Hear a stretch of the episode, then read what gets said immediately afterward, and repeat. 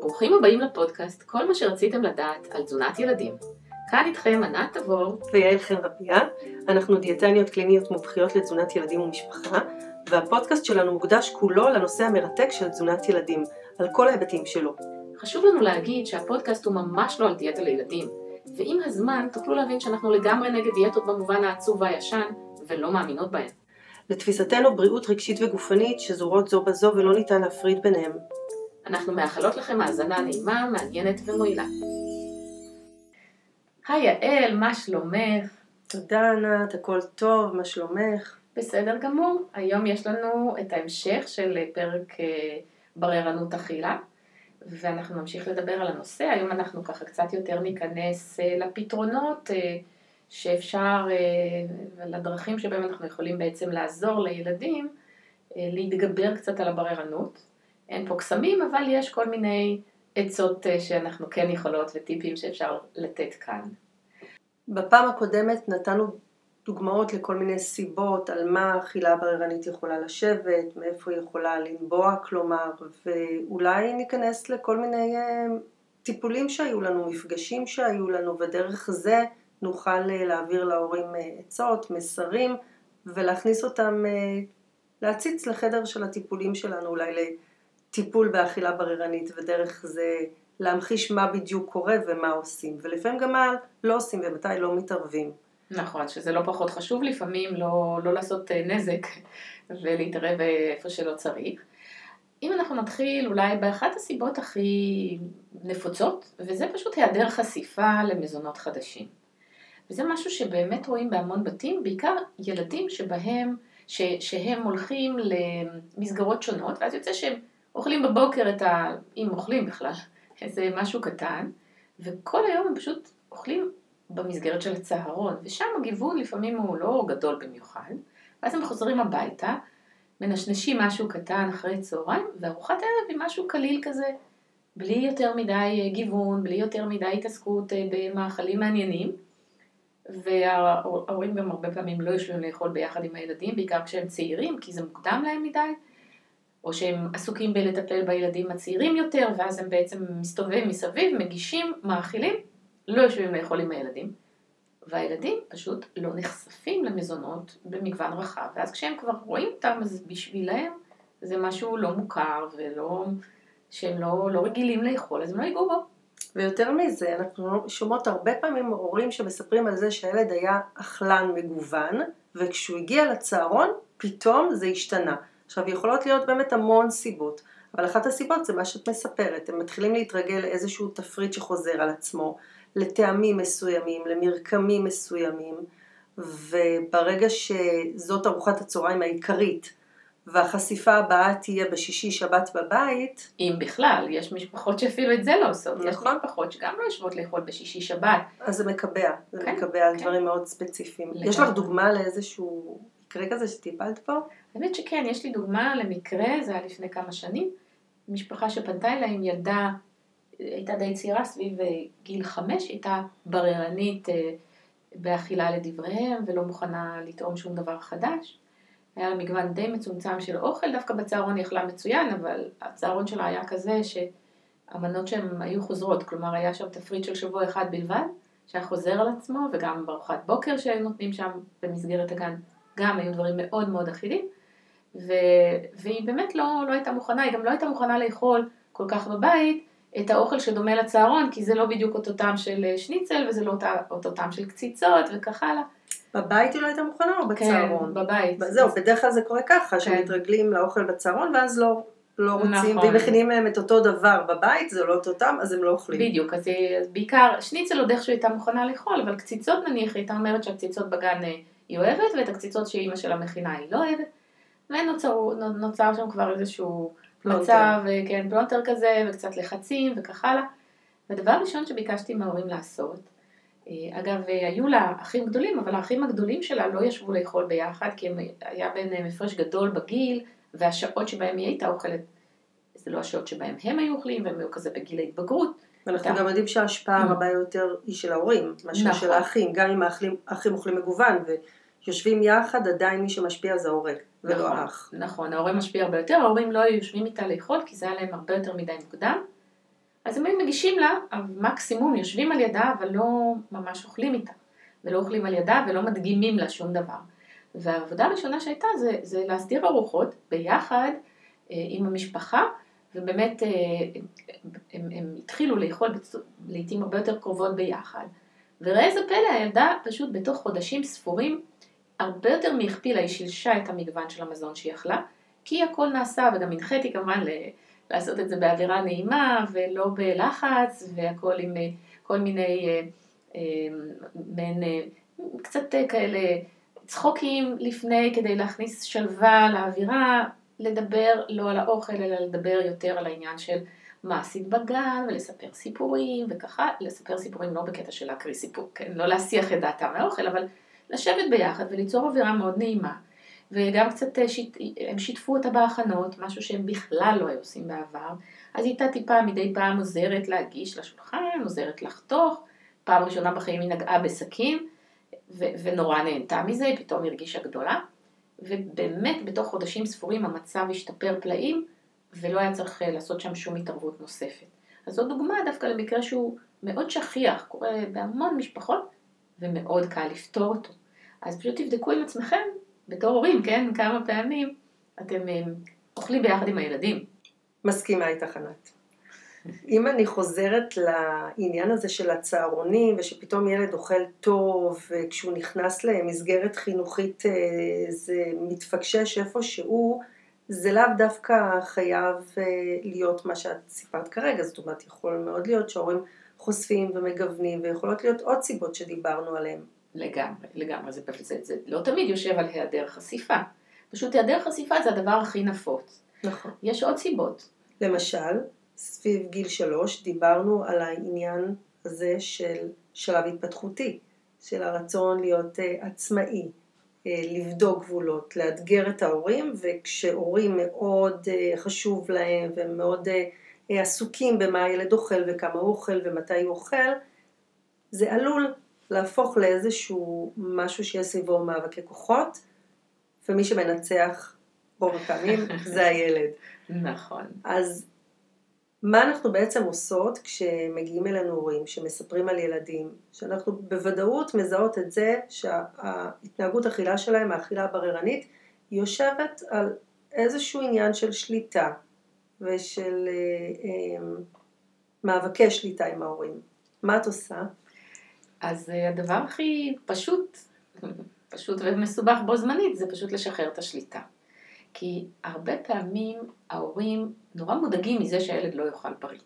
ואז מה שקורה זה שהם מתחילים להשתמש בכל מיני סוגים של לחצים, או בשוחד, אם תאכל את זה, תקבל את ההוא, אם תאכל את העוף, אז תקבל עוד אורז, או אם תאכל את העוף והאורז, תקבל אחר כך קינוח. או פרסים ממש. כן, נ... זה כבר... אה, נלך לקנות משהו, נכון. אה, נעשה משהו מאוד מאוד מאוד מיוחד ביחד. כן. זה יכול להיות הפוך, גם עונשים. נכון, אנחנו נתקלות בזה. נכון, לפעמים אה, פחות רואים היום אנשים, כי ההורים מבינים שעונש זה דבר פחות טוב, עדיף חיזוקים, אבל החיזוקים שהם נותנים, זה חיזוקים שהם גם הרבה פעמים מייצרים איזושהי אפליה כזאת בראש של הילד בין אוכל שחייבים לאכול, וזה האוכל המבאס, האמיתי, לבין הממתק או הגלידה או, או החטיף, שזה אוכל נורא כיפי. כי אתה צריך כאילו לצלוח את האוכל המבאס בדרך לקבל את האוכל הכיפי, וזה מייצר אחר כך המון בלגן, גם בראש של הילד זה, זה מקבל את התחושה שאוכל, אה, לא, שאוכל אמיתי הוא, הוא סתם משהו שלא לא כיף. וחבל, כי אוכל אמיתי הוא יכול להיות מאוד מאוד מהנה. אז גם אה, שיטה לא כל כך טובה. אז ברגע שמשחררים, פשוט לוקחים צעד אחורה ומאפשרים לילד לאכול מה שהוא רוצה מתוך מה שמוגש, זה מסתדר. נכון, הרבה פעמים אם, אם הילד רואה שההורה לא מתרגש אם הוא לא אוכל דבר זה או אחר, ומניח לו, אז הילד אה, רואה שאין שם נקודה חמה ללחוץ עליה, אין שם את הנקודה הרגישה, אז כבר לא מעניין אותו. כן, יש ספר נהדר, טריקים בצלחת, אני לא זוכרת מי כתבה אותו, אבל זה ספר נורא מצחיק עם אה, קריקטורות על שני הורים שמאכילים את הילד עם מטוסים וכל מיני אה, הבטחות, ולאט לאט הוא ככה פחות ופחות אוכל מן הסתם. ובסוף הוא מגיע, מגיע לאיזושהי, הוא מגיע ליועצת והיא אומרת לו, תגיד, לא נמאס לך שהם יושבים ככה לך על הווריד? בוא תהיה עצמאי, תאכל לבד, תנהל את עצמך והכל ככה בהומור. ואז בסוף ההורים מאכילים אחד את השני. הם, הם היו חייבים, אה? הם מרגישים שבלי זה הם לא יהיו הורים מספיק טובים. כן, זה בהחלט קורה. ויש גם, אה, יש, יש בעצם אה, איזושהי, איזשהו מצב כזה שההורים נורא דואגים להכניס מאכלים ספציפיים, כי אלה המאכלים שהם בטוחים שבלעדיהם הילד לא יגדל. למשל, אה, ניתן דוגמה, למשל אם הוא יאכל רק את הפחמימה, את האורז, את הפסטה, לא יודעת, פתיתים, מה שהם מגישים, ולא יאכל את הבשר או את העוף או, או את השניצל, אז אוי ואבוי, יהיה לו מחסור בחלבונים, ו- ומה עושים עם זה? אז הם קודם מבקשים שיאכל את המנה הבשרית, ואז אומרים, אם תאכל, בקיצור, עוד פעם התניות וכאלה דברים.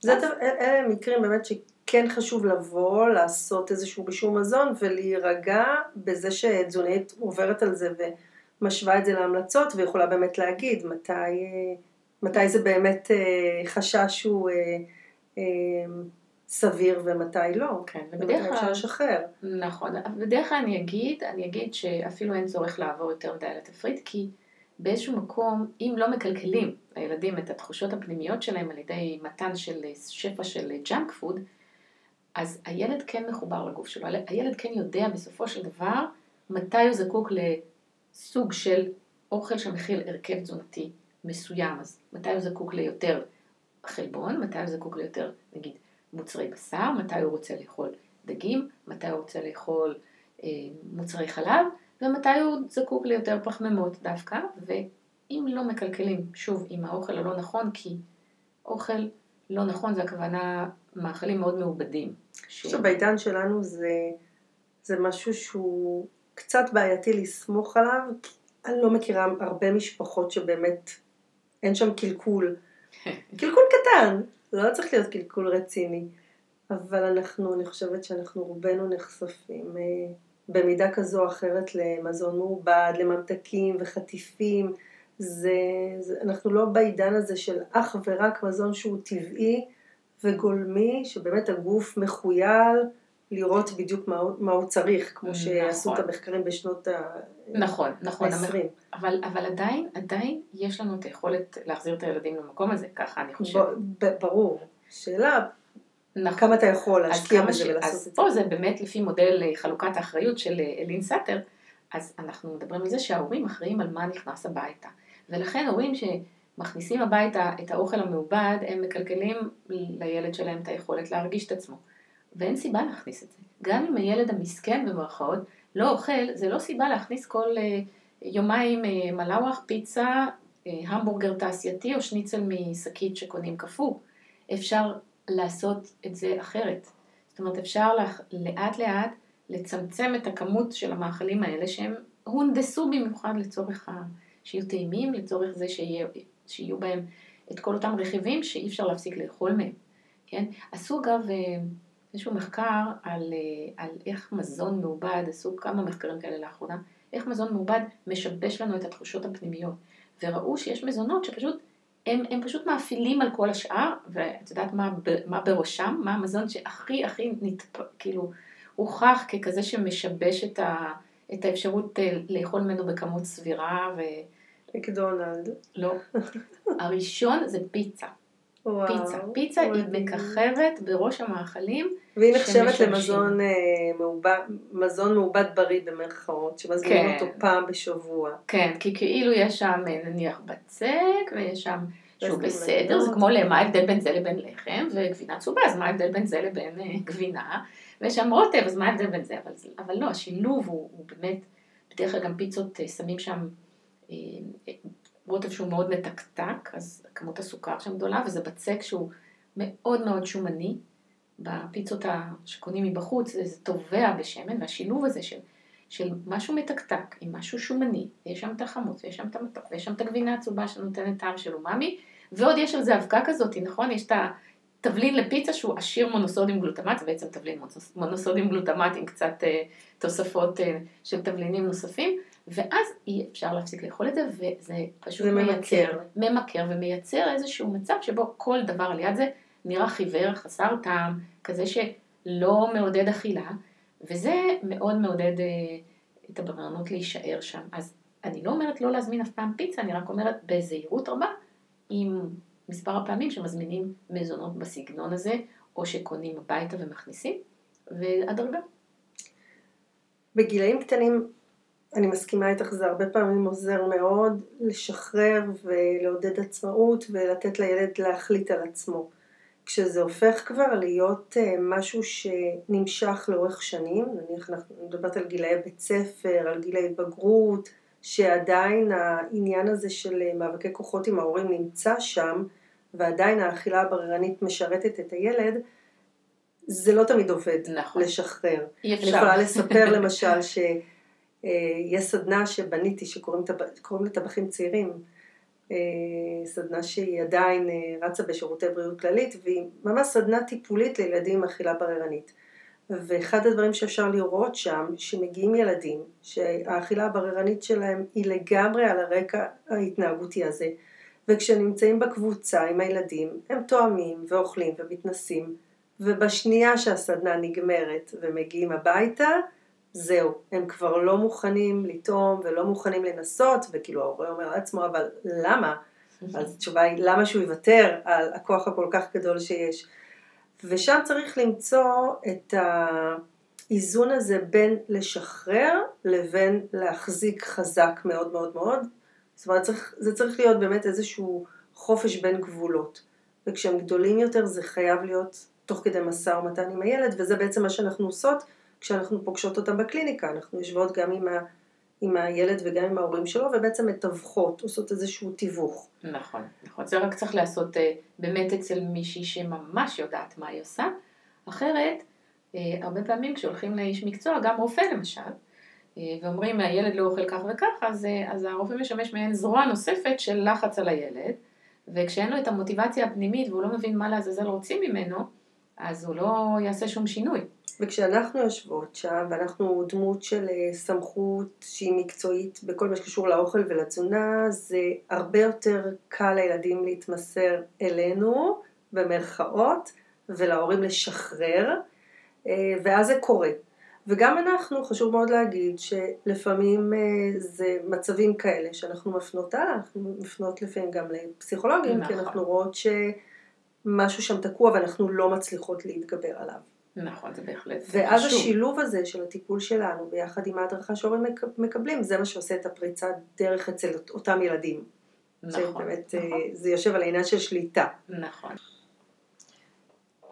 יש את הנושא גם של אה, ויסות חושי, שהוא ממש פיזיולוגי, שהילדים באמת נרתעים כי זה מאוד מפריע להם בלתי נסבל בעליל לאכול טעמים מסוימים, מרקמים מסוימים, להריח ריחות מסוימים. אז דבר ראשון צריך אה, להבין את זה ולדעת את זה בתור הורים וגם לתווך את זה לילד. לפעמים זה גם גנטי וזה נחמד וטוב שהורים מספרים לילדים שגם הם היו בדיוק אותו דבר כשהם היו ילדים ואיך אה, זה השתנה במהלך הזמן ולתת את התמיכה הזאת שמתישהו המגוון אה, יגדל ולא לוחצים אותך ומבינים אותך, אני חושבת שזה אולי החלק הכי חשוב כשמגיעים אלינו הורים שלא מודעים לזה שזה תחושתי. נכון. באמת לתווך את, ה, את התופעה הזאת, את הדבר הזה. נכון. וזה דבר ראשון. ואז באמת נכנסת כל העניין של המוטיבציה של הילד. כי ילד שיש לו מוטיבציה אפשר ממש להתקדם איתו. אנחנו עושים את זה בצורה מאוד הדרגתית, עם חשיפה מאוד הדרגתית. יש פרוטוקול אפילו, את רוצה לספר על הפרוטוקול טיפול? אוקיי, אז בעצם יש מעין אה, פרוטוקול טיפול כזה שכאשר, כן, במצבים ש... שאנחנו מדברים על בעיות ויסות חושי ודברים שיושבים על העניין הזה של להיגאל נורא מאוכל כי משהו שם לא עובד מבחינת החושים, אז אנחנו מתחילים בעצם, הצעד, הצעדים הם מאוד מאוד הדרגתיים ואי אפשר גם לצפות, נורא חשוב להגיד, אי אפשר לצפות לשינויים מהירים. אין קסם. אין שם קסמים. זה לא שיש איזושהי שיטה שבבת אחת גורמת לילד פתאום לאכול הרבה יותר טוב ולהיות אכלן מגוון. זה, זה לא עובד ככה, צריך פה תהליך. ועוד משהו שחשוב להגיד על התהליך הזה, שזה הרבה פעמים מתקדם לא בצורה רציפה. כלומר, זה לא שכל הישג, זהו, השגנו, ואז אין שום צעד אחורה. לא, זה תהליך אה, שיכול להיות לפעמים מאוד מתסכל, כי התקדמנו קצת קדימה ופתאום יש נסיגה אחורה, אבל זה קורה בסוף. זה קורה בסוף. זה מאוד תלוי בגיל של הילד, אני חייבת שוב לציין, כי אצל ילדים צעירים זה קורה מה שאת אומרת בהחלט. נכון. כשהם יותר מבוגרים וזה כבר מפריע להם ואתה מגייס את המוטיבציה שלהם, הכיוון הוא בדרך כלל קדימה. נכון. יותר. נכון. אבל אצל הקטנים זה נכון, נכון. זה באמת אה, תהליך סיזיפי לפעמים. כן. אז אה, מה שאני, מה שאני ככה אספר עכשיו זה בעצם שהוא תהליך כזה של חשיפה הדרגתית, אז אנחנו, יש ילדים שממש אה, ככה, מרתיע אותם אפילו כשיש מסביב את האוכל, כלומר לא מסביב, אלא לא, לא על הצלחת שלהם, נגיד מוגש על השולחן, לפעמים אפילו ילדים נכנסים לחדר ואז מפריע להם איזשהו ריח מסוים, ככה אנחנו יודעים, כן? כי, כי אם הם לא רואים את זה, הם מריחים את זה הרבה פעמים, אז אנחנו צריכים לאט לאט להרגיל אותם לריח הספציפי הזה, אה, לנוכחות של המזון, למראה של המזון, אחר כך אנחנו מדברים על סוג של אינטראקציה עם מזון, עם המזון המסוים, זאת אומרת, לוקחים ועושים עם זה כל מיני משחקים, נוגעים בו, מסוגלים אה, כן, לפעמים ילדים אפילו לא מסוגלים לגעת באוכל שמגעיל אותם. לפעמים זה כי לוחצים עליהם אז הם פוחדים שאם הם יס... מישהו יגרום להם, כאילו, יכריח אותם לאכול, אז הם אפילו לא מוכנים להתקרב, אז הכל צריך כמובן קודם כל להרגיע את כל הלחץ שמסביב, ואחר כך להפוך את זה לחוויה כזאת הרפתקנית ונעימה.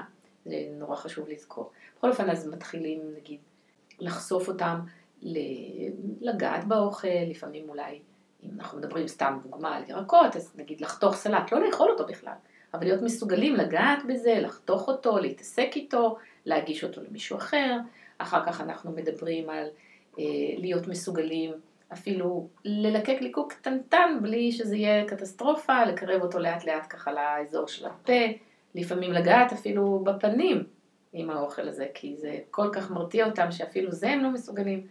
וזה מעין תהליך הדרגתי כזה של לאט לאט לאט לגעת עם קצה הלשון ואחר כך להיות מסוגלים לנגוס את הביס הכי קטנטן ואחר כך להיות מסוגלים לבלוע ביס קטנטן וכך הלאה, שזה בדרך כלל עבודה עם אה, ילדים שהבררנות שלהם היא הרבה יותר קשה מאשר סתם אה, בררנות קלה, שאיתה לא צריך את כל התהליך המורכב הזה, לפעמים מספיק סתם לחשוף לעיתים אה, קרובות כמו שאמרתי, ואז הדברים כבר הולכים בעצמם. פה במקרה הזה זה עניינים של ויסות חושי, ועוד פעם אני, אני אתייחס רגע לתחושת הגועל הזאת, יש שם ממש ככה מדברים על זה בעולם של, של הבררנות, מבחינת אנשי מקצוע, אם זה מרפאות בעיסוק ואם זה קלינאיות תקשורת, אז מדברים על זה שתחושת הגועל תופסת שם מקום מאוד מאוד חזק. כי, כי גועל זה ממש, ת, ת, אפשר לדמיין את זה, אני לפעמים אומרת להורים, תדמיינו שיש לכם על ה, עכשיו על הצלחת אה, גוש תולעים. בדיוק, איזשהו, איזשהו גוש תולעים, ככה זה נתפס בעיני ילד, כן? זה ממש נראה להם חייזרי ו- ומגעיל ברמה ש- שגועל נפש, אפילו להסתכל על זה מגעיל אותם. אז זה תהליך של, של עבודה, הסתגלות הדרגתית מאוד, מאוד נעימה, מאוד ידידותית, עם המון חיזוקים, וככה אנחנו בעצם עובדים עם כל הבררנים היותר מורכבים. ובגלל שזה לא תמיד כל כך שחור לבן, ויש באמת אה, זאת בררנות שהיא על רקע התנהגותי, נכון. וזאת, אז לפעמים זה הדברים משיקים. אחד הדברים שאנחנו עושות כשמדובר בילדים שהם יותר גדולים, בגילי בית ספר, יסודי ומתבגרים, זה להשתמש בכלים מעולם של ה-CBT וה-NLP, כי לפעמים באמת זה משולב באיזושהי חרדה, שהיא גם אה, נבנית במהלך השנים, או שהיא קיימת שם.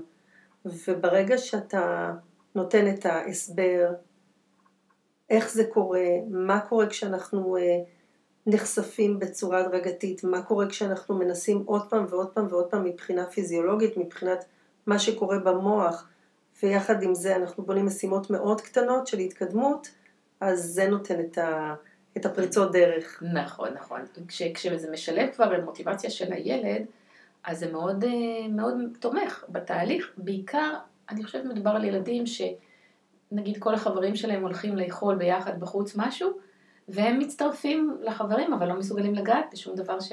שהילדים האחרים אוכלים.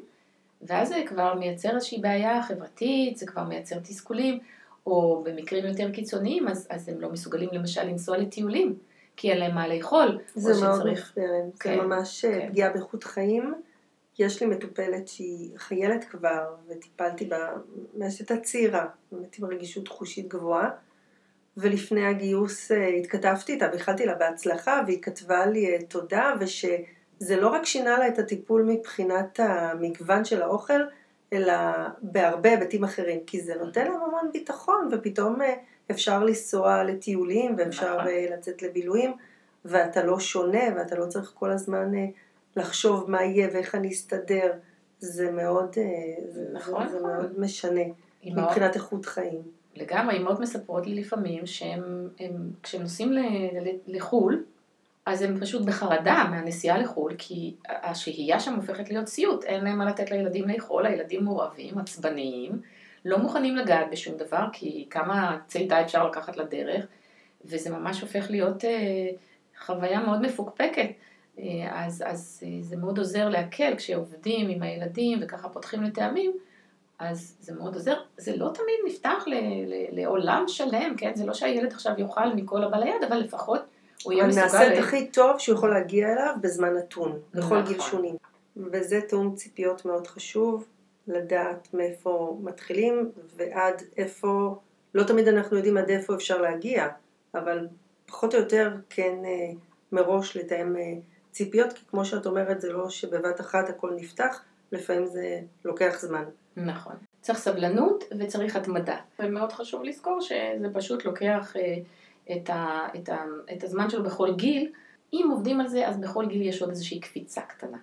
וזה מה שחשוב, וחשוב שזה יהיה, יתקדם לאט לאט קדימה, ולא יתקבע, ולא לעשות עם זה כלום, כי לפעמים גם יש עצות כאלה לא כל כך טובות. טוב, אל תעשו עם זה כלום, זה יעבור, ואז זה באמת עובר אה, לפעמים.